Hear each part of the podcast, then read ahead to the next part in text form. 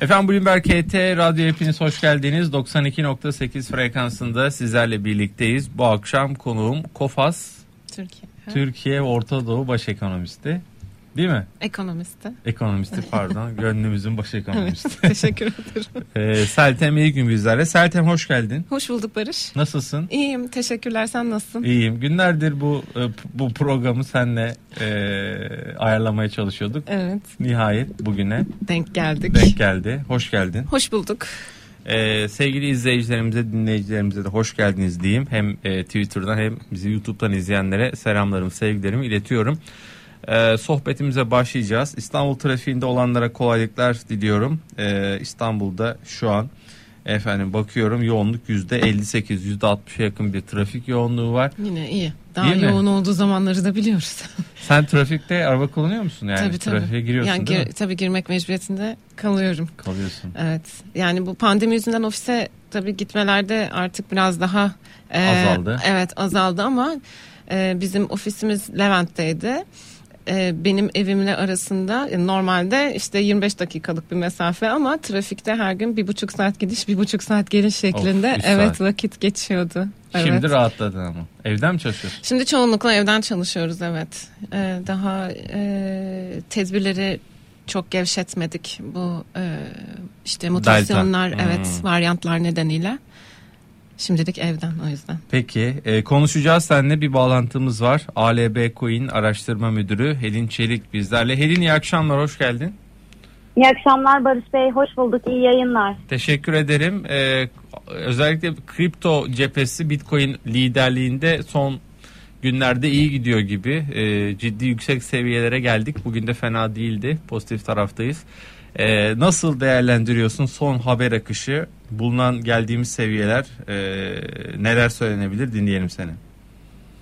Evet sizin dediğiniz gibi fena gitmiyoruz. Kripto para piyasasında yatırımcının yüzü gülüyor diyebiliriz. Günün öne çıkanlarında Matic, Cardano, XRP ve son bir saat içerisinde XLM e, açıkçası vardı. E, taze bir haber verelim o zaman. E, Stellar üzerinde bir ödeme koridoru başlatıldı. Bu Avrupa Birliği'ndeki 27 ülke ile Tayland arasında kurulmuş olacak bu koridor. E, biliyorsunuz geçtiğimiz dönemde Ripple yönetiminin de bu tarz bir atılımı olmuştu. E, ve kripto paraların kendi blok zincir tabanının en azından geleneksel finansal piyasalarda bu şekilde ödeme koridoru e, kapsamında kullanılıyor olması e, topluluğu açıkçası heyecanlandırıyor. Bu e, XLM'in yani Stellar'ın grafiğine de bir miktar yansımış durumda. Neredeyse %10'a yakın bir değer kazanımı oldu. E, haber daha yeni. Belki bunun e, önümüzdeki bir, birkaç saat içerisinde yine e, yankı bularak devam etmesini bekleyebiliriz. Onun dışında biz de e, kripto para piyasasında e, analistler, yatırımcılar tüfeği takip ettik. E, buradan çıkacak olan sonuç önemliydi çünkü dolar endeksi ve altınla alakalı olan fiyatlamayı etkileyecekti. E, nitekim verilerin açıklanmasıyla birlikte dolar endeksinde bir miktar gerileme altında da e, yükselişin desteklendiğini gördük. E, bu kanatta da takibimizi ayrıca gerçekleştiriyoruz ama e, yani kripto paralara nasıl yansıdı bir, bir miktar pozitif yansıdı açıkçası. Ve yine öne çıkanlara baktığımız zaman Ethereum'un, e, Cardano'nun haberleriyle e, çalkalandık. Özellikle Cardano'nun kurucusu bugün bir e, konu üzerine eğildi. Uzun zamandır güncellemesi Alonzo Hard Fork'unu bekliyoruz. Ve Cuma günü tarih vereceğini açıkladı. Sadece bu bile Cardano fiyatının e, yükselmesine neden oldu diyebiliriz. Onun dışında Ethereum ve Bitcoin'deki hareketlilik evet yani son birkaç gündür sanki böyle e, bir miktar yataya bağladı. Bu sebepten dolayı e, bizim ADAS diye nitelendirdiğimiz hacmen zayıf olan kripto para birimleri de bir miktar primli ilerledi. Matik de buradan nemalandı e, diyebiliriz. Genel seyir pozitif, orta uzun vade hedeflerini bozabilecek herhangi bir durum söz konusu değil açıkçası. E, Bitcoin dolarda öne çıkan 46.700 seviyemiz var. Sonraki süreçte 47.800'ü takip edeceğiz. Özellikle 47.800'ün aşılması bizim 50 binlere varan yolculuğumuzu destekleyecek gibi duruyor. Ancak kanal görünümü var. Burada yatırımcı dikkat etmeli. Diğer taraftan Ethereum için de 3200 doların üzerinde tutulması önemli ve kritik. Burada 3200 ile birlikte çift e, formasyon hedefini tamamlamış oldu. Sonraki süreçte ise pozitif atılımlar devam ederse Ethereum kanadında da bir bozulma görünmüyor. Hatta öyle ki bir araştırmaya göre küresel bazı borsalarda Ethereum işlemleri Bitcoin'i geçmiş durumda. Özetleyecek olursak bunları diyebiliriz Barış Bey. Helin çok teşekkürler. İyi akşamlar.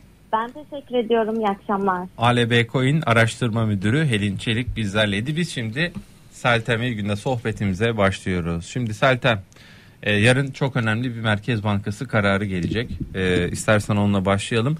Bu arada e, canlı yayınımızın telefonunda anons edeyim 0212 255 59 20 0212 255 59 20'den bize ulaşabilirsiniz. Seltem'e sorularınız varsa bekliyoruz. Yarınki Merkez Bankası kararı ne bekliyorsun deyip uzatmadan bırakayım sana sözü. Ee, ben bir değişiklik beklemiyorum. Ee, Merkez Bankası'nın son enflasyon rakamlarından sonra çok bir yeri kaldığını da düşünmüyorum aslında. Özellikle son çeyreğe kadar. Yani son çeyrekte enflasyonun tabii manşet enflasyonun e, düşeceğini düşmesini bekliyoruz baz etkisinden dolayı. Özellikle e, Kaça Kim- düşmesini bekliyoruz mesela? Şöyle bizim tahminimiz e, 16 %16'ya kadar gerilemesi yönünde.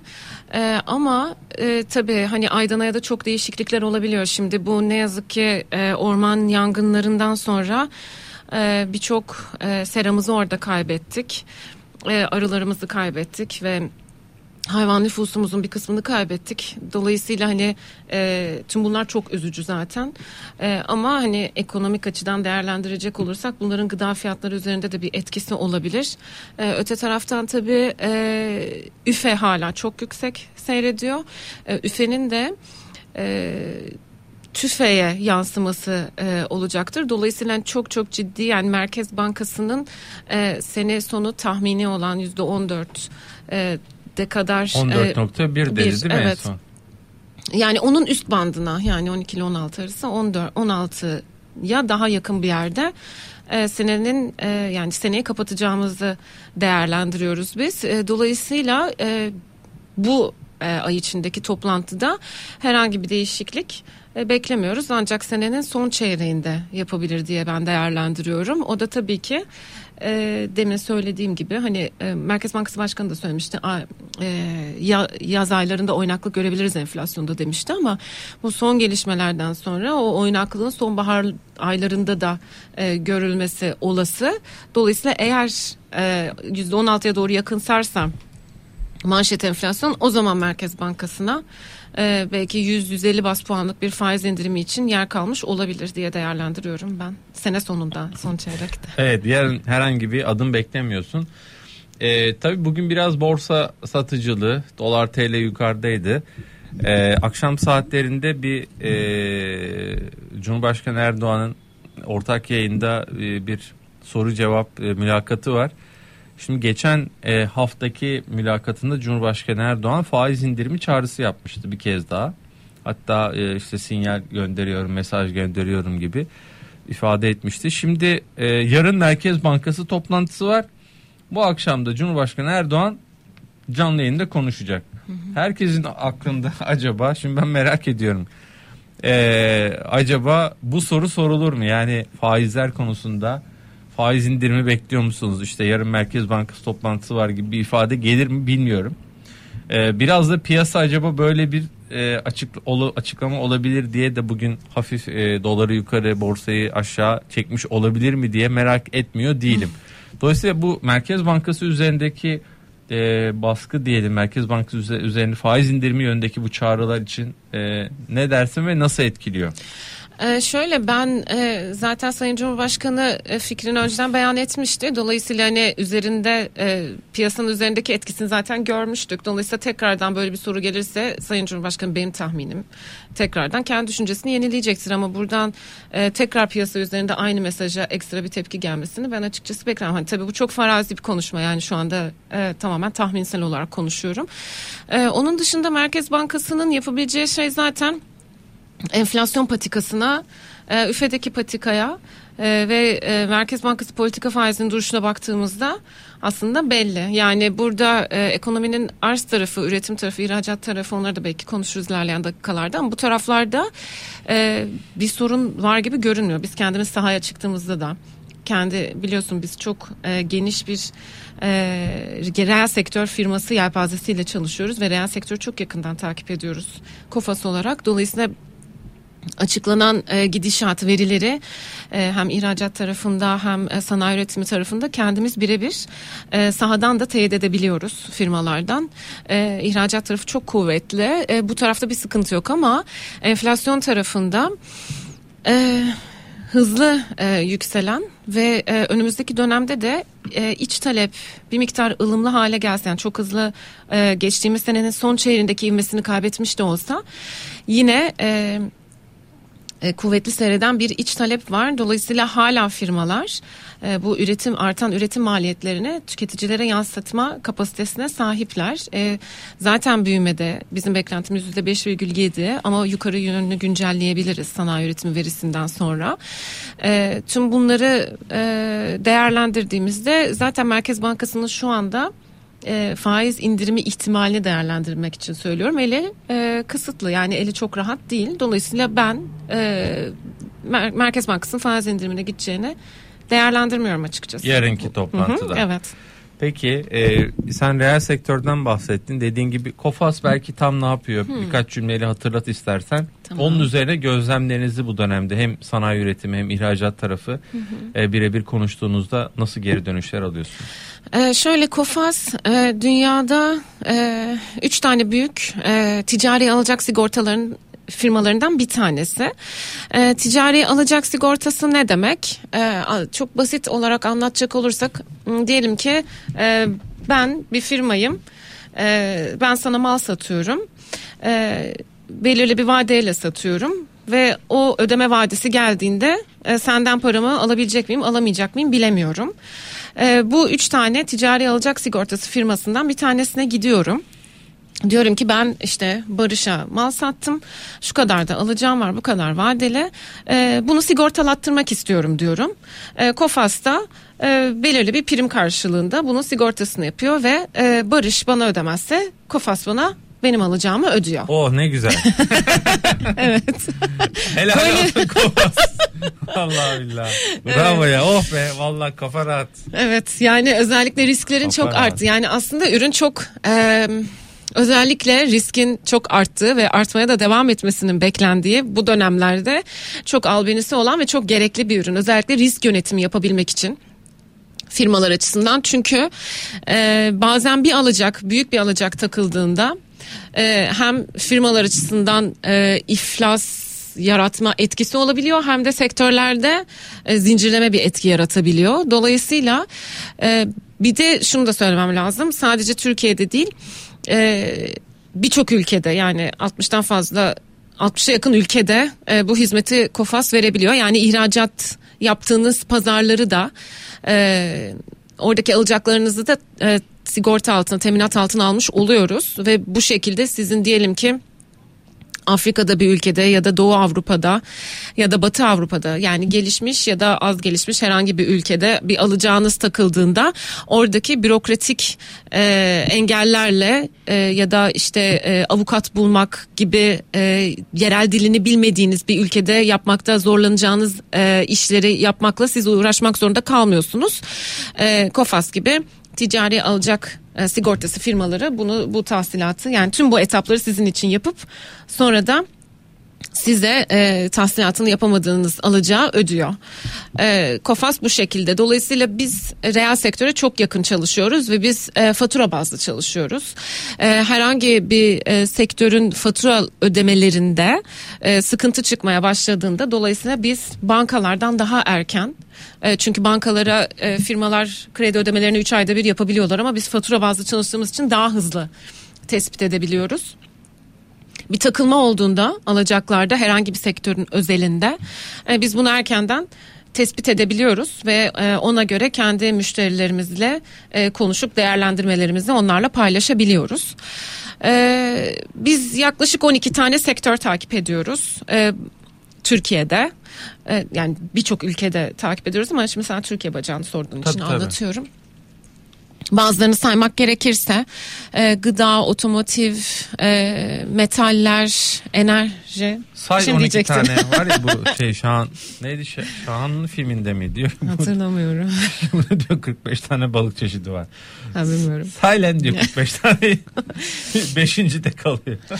Yok ben 12 seni sayarım da neyse şimdi saymayacağım. tamam peki.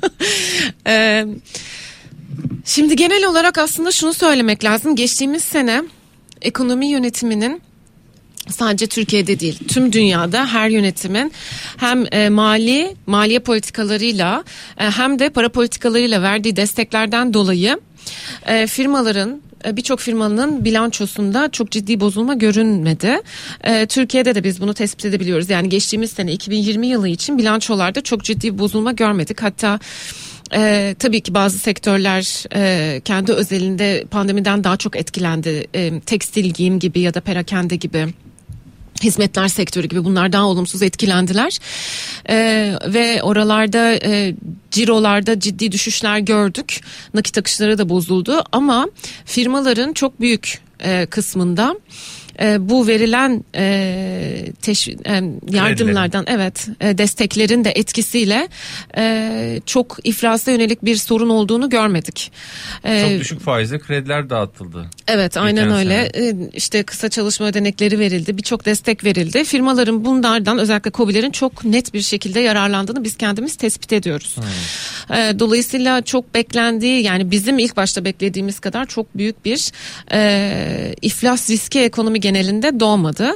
Ama dediğim gibi bazı sektörler bundan olumsuz etkilendiler. Yani inşaat, enerji, perakende, tekstil giyim, hizmetler evet bunlar çok olumsuz etkilendiler. Tabii hizmetler sektörünün şöyle bir e, handikapı da oluyor. İmalat sanayiye göre e, o anda yakaladığı talebe cevap verebilen bir sektör. Yani ertelenmiş talep çok fazla olmayabiliyor. Yani Ya turizm tatile gittin gittin gidemedin Evet. geçmiş tatile bir daha gideyim olmuyor değil mi? olmuyor ya da Yani. ben işte e, geçtiğimiz yaz tatile gidemedim o zaman Aralık'ta Gidemedin denize mi? gideyim. Yok hayır ben kendimden bahsetmiyorum. Ha, seslendirme yapıyorum. yani Gittin mi peki sen tatile? geçen sene Ya gittin değil mi? gitmiş olabilir. Gitmiş ol emin değilsin. Peki Gittim galiba. tamam. Di- Diyelim ki gidemedin. Yani şimdi Farz e, edelim ki.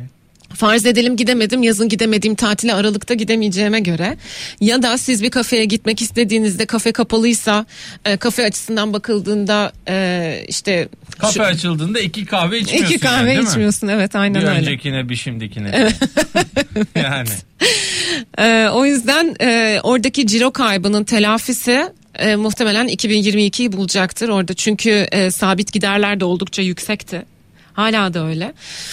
E, bu aşılamanın o yüzden çok önemli olduğunu biz değerlendiriyoruz. Yani e, gelişmiş ülkelerde biz tahminlerimizi oluştururken e, nüfusun yüzde 40'ı ile 60'ının e, ilk çift doz aşılama e, yap, ya- yaptırmış olacağını değerlendirdik. E, dolayısıyla burada aşılama kapasitesi önemli. Yani piyasalarda da mesela son dönemlerde e, son birkaç haftadır bu delta varyantının çıkması e, hemen kendi etkisini hissettir özellikle ham madde fiyatlarında, petrol fiyatlarında e, ya da ekonomik büyümeye ilişkin tahminler üzerinde aşağı yönlü baskılar oluşturuyor şeklinde açıklamaları biz görüyoruz birçok analistten.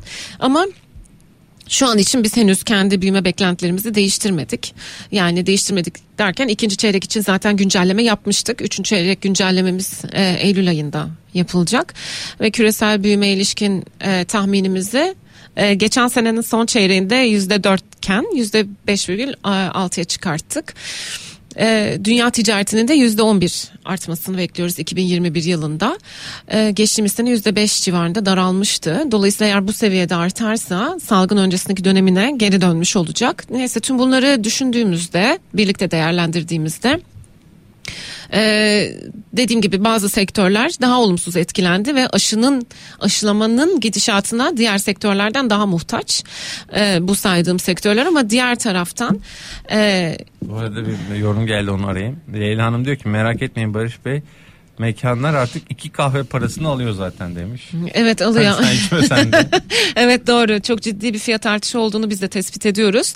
Ee, enflasyon rakamlarında da zaten görülüyor. Hmm. Hizmet enflasyonda bir katılık var. Bu katılığın da devam etmesini bekliyoruz açıkçası. %13 civarında bir artış vardı yıllık bazda ama özellikle lokanta ve otellerde son iki ay %2'nin üzerinde fiyat artışları görülüyor ki bu bir örneklem kümesi üzerinden. E, dolayısıyla e, burada bir fiyat e, katılığı oluşmaya başladı. E, tabii onlar açısından yani işletmeler açısından da düşünüldüğünde e, kaybettikleri ciroyu e, mecbur bir şekilde çıkartmak zorundalar yoksa ayakta kalmaları çok mümkün değil. E, dolayısıyla zaten bu bir enflasyon getirecekti ve şu anda da getirmeye başladı. Aynı şeyi turizmde de görüyoruz. Yani turizm turistik e, Mekanlarda. mekanlarda, tesislerde çok ciddi fiyat artışları var. Acayip. Evet yani geçen sene gittiğiniz fiyatın iki katına, iki buçuk katına aynı kişi sayısında aynı e, müessesede tatil yapabiliyorsunuz. Dolayısıyla burada bir fiyat katılığı oluşacağı belliydi zaten. E, ama öte taraftan yine senin soruna geri dönmek gerekirse. Benim bir e, sorun vardı bu arada. tamam biliyorum. Önce buna cevap vereceğim. Daha bitmedi. Şaka diyorum. Lütfen. Senin ne kadar çok anlatacağın şey var ya. Zaten çünkü- her zaman. Maşallah çok dolu. Çok konuşuyorsun. Sel- demek yok hayır. yok Allah estağfurullah. Ee, bu arada Seltem e, çok güzel Sorbon mezunuydu değil mi? Evet, hı. Güzel bir üniversite. Her zaman böyle bir vurgu, vurgulayalım yani. Ee, Ee, Sorbon ha? sonra orada ben dereceyle bitirince beni Amerika'ya göndermişti Sorbon. Öyle mi? Evet Bir araştırma. de dereceyle mi bitirdin? bitirdin? Evet, öyle Maşallah oldu. helal olsun gururumuzsun. Teşekkür Ee, ederim. istersen e, dönelim. Bu arada tabii şunu da söyleyeyim. Ee, bu maalesef işte belki konuşuruz seller, yangınlar vesaire bu iklim değişikliğinin olumsuz sonuçları. Ee, bugün de benim memleketim Kastamonu Ee, geçmiş olsun diyorum. Hakikaten Kastamonu'da ciddi bir e, sel e, söz konusu. E, Azdavay e, ilçesi. E, Kastamonu, Sinop'a bağlı Ahbaplar, e, Sinop bölgesi düzeltiyorum.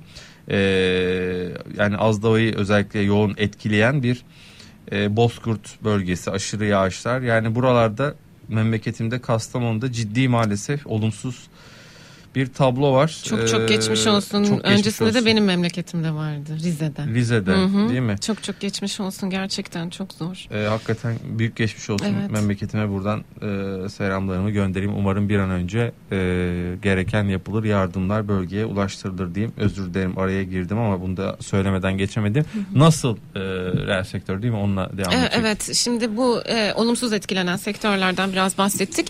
Öte taraftan e, pandemide cirosunu ciddi anlamda artıran e, sektörler de mevcut. E, örneğin elektrik elektronik sektörü gibi orada biraz talebin kaymasından dolayı herkes evden çalışmaya başladığı için belirli ürünlere çok ciddi talep geldi.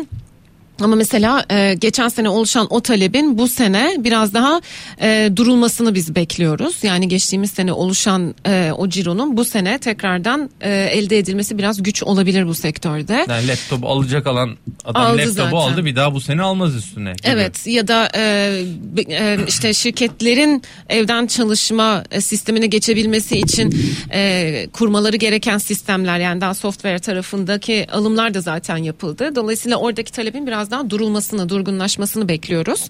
Yani doymuş bir talep olabilir orada ama öte taraftan ham madde e, işiyle uğraşan yani metaller, kimya e, gibi sektörlerde e, çok ciddi cirolar görüyoruz. E, kapasite kullanım oranları bazı firmalarda yüzde yüze yakın. Kimya. Evet Bunlar kimyada. ihracatta mı yoksa içerideki İçer, içeri canlılık? üretim de yapanlar öyle. Yani çünkü şu anda iç talebin durgunlaştığını söylemek çok zor. İç talep de kuvvetini koruyor ama yurt dışından da çok ciddi bir talep geliyor.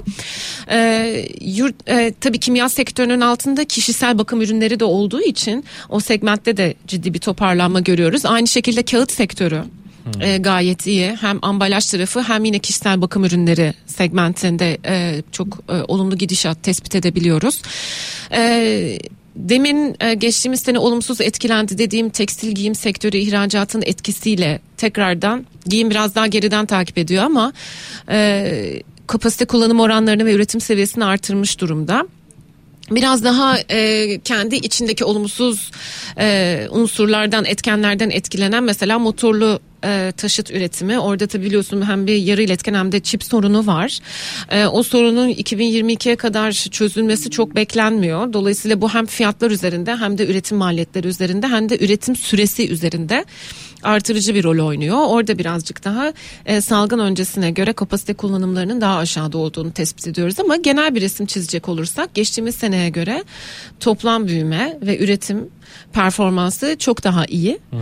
E, bunun biraz daha yavaş yavaş ülke genelinde daha dengeli bir hale e, geldiğini görüyoruz. Yani dengeli derken ne demek istiyorum? O hız evet, biraz normale mi dönüyor? Evet yani iç talebin o ilk açıldığımızda geçen sene çok ciddi bir talep oluşmuştu. O da tabii enflasyonu da beraberinde getiriyor. Tabii enflasyonun tek sebebi bu değil. Arz yönlü çok büyük sebepler de var. Ee, ama e, bu seneyle birlikte e, dış talebin de geçen sene tabii dış talep özellikle ikinci ve üçüncü çeyrekte yok gibiydi. E, bu sene dış talebin çok kuvvetli bir şekilde yani vahşi bir talep olarak e, geri döndüğünü görüyoruz. Ve dolayısıyla büyümeye tabii ki e, intikam alışverişi mi diyorlar değil mi? Öyle tabirler var. Yani e, alışverişe gidemediysen gidiyorsun 3-5 tane tişört 3-5 tane etek neyse intikam olarak hani yapamadım bunun intikamını alıyorum diye. yani, Var mı sende öyle bir şey? Hiç öyle bir şey yok. Dinleyicilerimizde de olduğunu zannetmiyorum. yani çünkü hiç kimseye faydası yok yani. yani intikam kendi alacak, bütçesinden ancak intikam, intikam alacak hal yok bir de değil mi? Yani, yani de kimden neyin intikamını alacak? Neyin intikamını? Yani. Aynen. Doğru söylüyorsun. ee, bu kim acaba ilk defa görüyorum demişler Hasan Bey. Kofas Orta Doğu ve Türkiye ekonomisti. Evet, ee, memnun oldum. Serten pek gelmiyorsun görmüyorlar bak seni. Bayağıdır program yapmadık seninle. Açıl'la yapıyoruz Aylar, aslında ama evet seninle radyoda yapmadık bu, doğru. Bu bölümü evet Açıl'la e, takip eden izleyicilerimiz mutlaka sevgili Sertem'e. O yüzden At- Barış Bey'e söyleyin neden At- görmüyoruz. Evet. Bana değil de. Aynen. Şimdi e, biraz istersen dolar TL konuşalım sizin beklentilerinizi. E, yurt dışında belki bu arada e, yurt dışına bir çıkarsın şöyle. Sonra çok konuşuyorsun deme de. Hep anlatacağım şey var. Bak ne kadar nazik söylüyorum. Evet ben ben Anlat- alt satır okuyorum. Burada ne var diye. Aynen. Ne, ne kadar çok anlatacağın şey var deyip. Valla ya valla kötü bir şey söylemedim Yok canım ya. estağfurullah vallahi. takılıyorum. Aynen. Yani desen de çünkü ben anlatacağım şey varsa anlatacağım. Aynen. Anlatmaya geldim. Aynen. Anlat lütfen. Anlatayım. Ee, Açıl Bey'le sabahları izliyoruz demiş Erman Bey. Sabahları çıkıyor musun? Evet çıkıyorum yarın sabah da çıkacağım bu arada. Şaka yapıyorsun. Yo onu çeyrek geçe Açıl'la. Evet. Vay şimdiden buradan anons etmiş olalım. Evet. Akıllı para mı programı neydi? Evet akıllı para. Akıllı parada Seltem'i izleyebilirsiniz. Evet. Onun öncesi Seltem bize kurun gidişatı ama küresel olarak da e, bir dolar e, tablosu bizlere yorumlamanı rica edeyim. Ya şöyle e, açıl e, ay açılıyorum çok özür dilerim açıldı. Açıla andım. Açıla selam Aynen. olsun burada. Selam olsun. Barış. E, Yurt içinde e, tabii enflasyondaki e, gidişat biraz e, TL üzerinde baskı yaratıyor.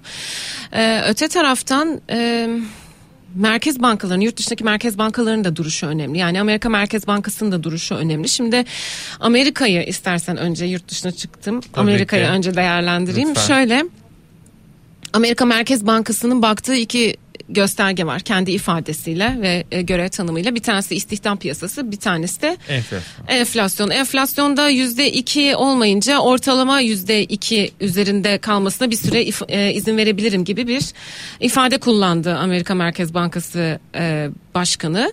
E, ama bu bir sürenin ne kadar olduğunu açıkçası açmadılar ve şu anda da e, enflasyon bu %2'nin oldukça üzerinde 3-4'ler e, civarında e, üretici fiyatlarına baktığımızda orada da 7,5'lar seviyesindeler. Dolayısıyla şunu öncelikle belirtmiş olayım yani içinden geçtiğimiz dönem o kadar enteresan bir dönem ki sadece Türkiye'de değil küresel olarak üretici ve tüketici fiyatları arasındaki farkın biz açılmaya başladığını görüyoruz. Şimdi bu işin bir yönü. İkinci baktığı tarafta istihdam piyasası.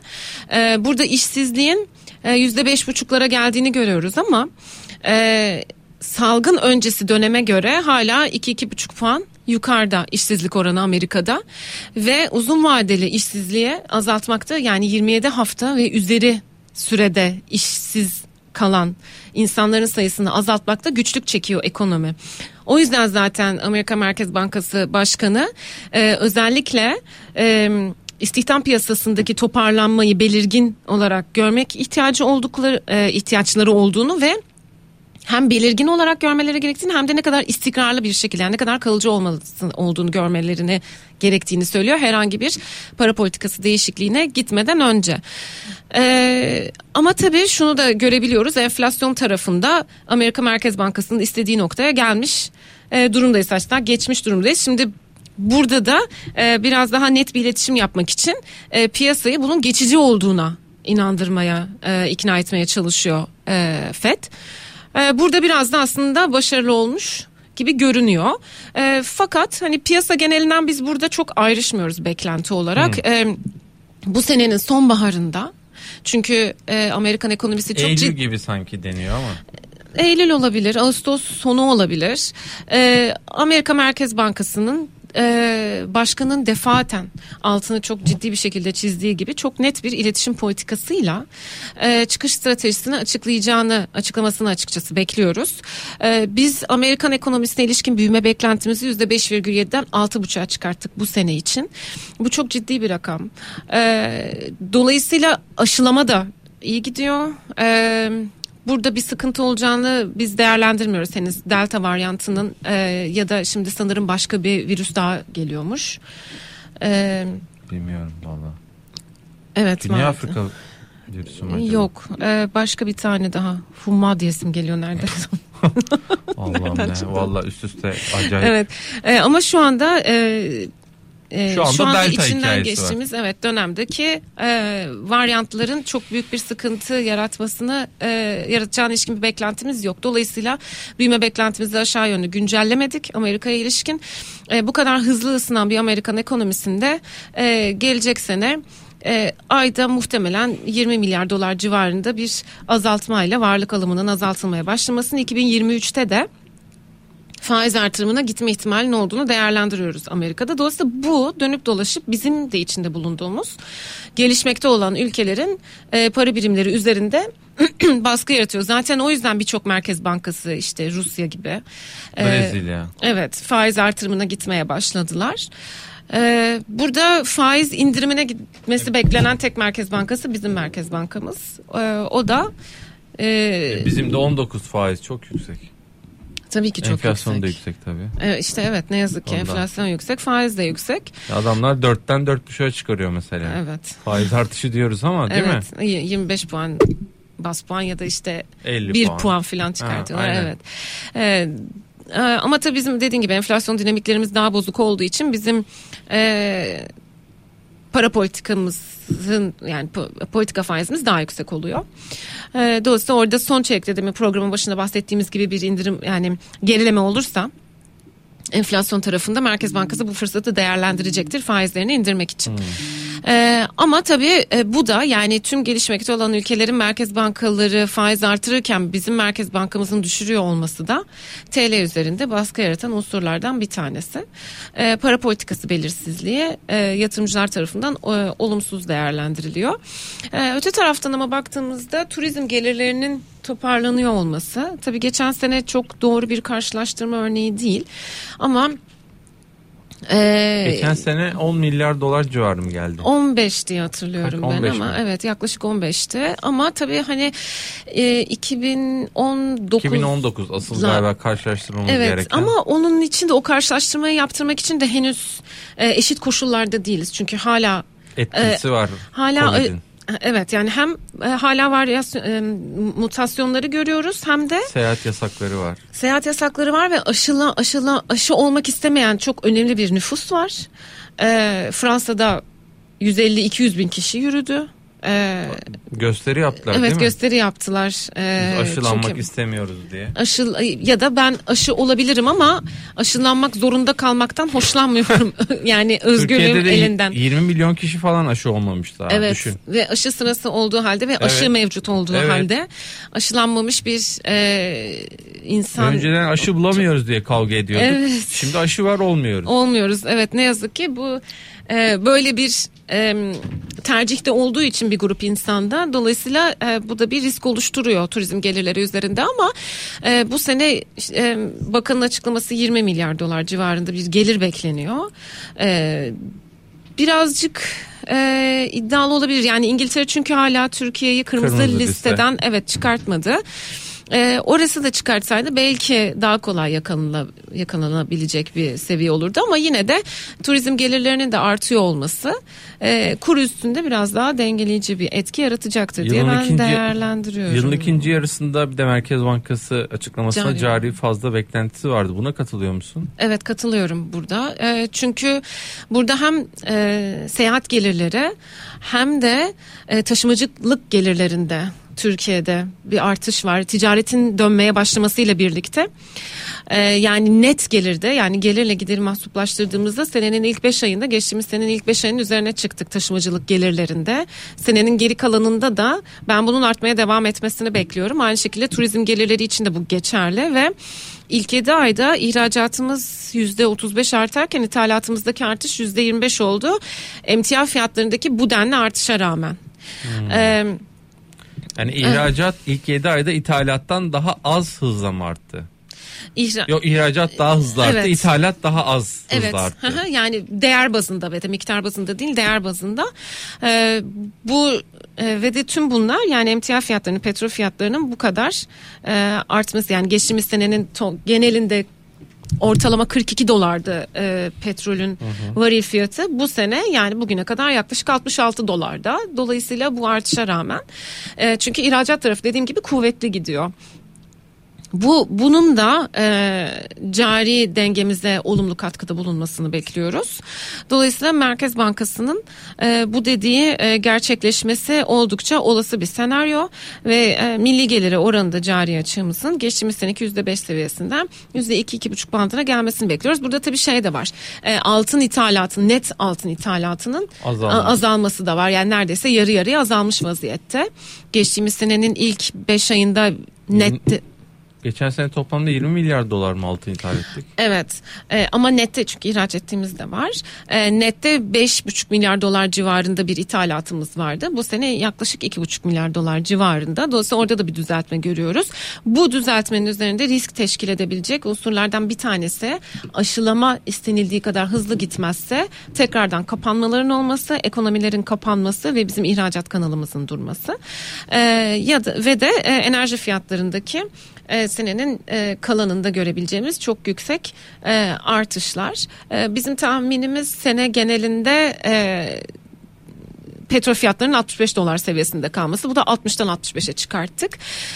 E, ama bu iki yani tüm bu unsurları birlikte değerlendirdiğimizde e, senenin kalanında geçtiğimiz seneye göre cari açımızın oldukça dengeli bir patikada yol almasını bekliyoruz. Bu da zaten e, daha dengeli, daha kaliteli bir büyüme olduğunu ortaya koyuyor ama bunun hepimizin hayatına daha fazla yansıyabiliyor olması için yani bunu sadece benim radyoda e, anlattığım bir şey olarak sanal bir bilgi olarak kalmaması için hepimizin bunu hissediyor olmamız bunun için de enflasyonun aslında e, aşağı geliyor olması gerekiyor.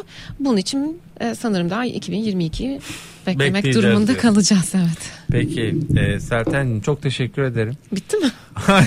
Aynen bitirdik Aa, saat 8 oldu valla. Gerçekten. Aynen çok hızlı geçti galiba. Evet. Ağzına sağlık. teşekkür ederim. Çok teşekkür ederim. E, Kofas e, Türkiye ve Orta Doğu ekonomisti Sertem Gün bizlerleydi. E, kendisine çok teşekkür ediyoruz güzel yorumlar için. Akşam 9'da ekonomik görünüm. 10'da küresel piyasalar var. Herkesi oraya da bekliyoruz efendim. Allah'a ısmarladık.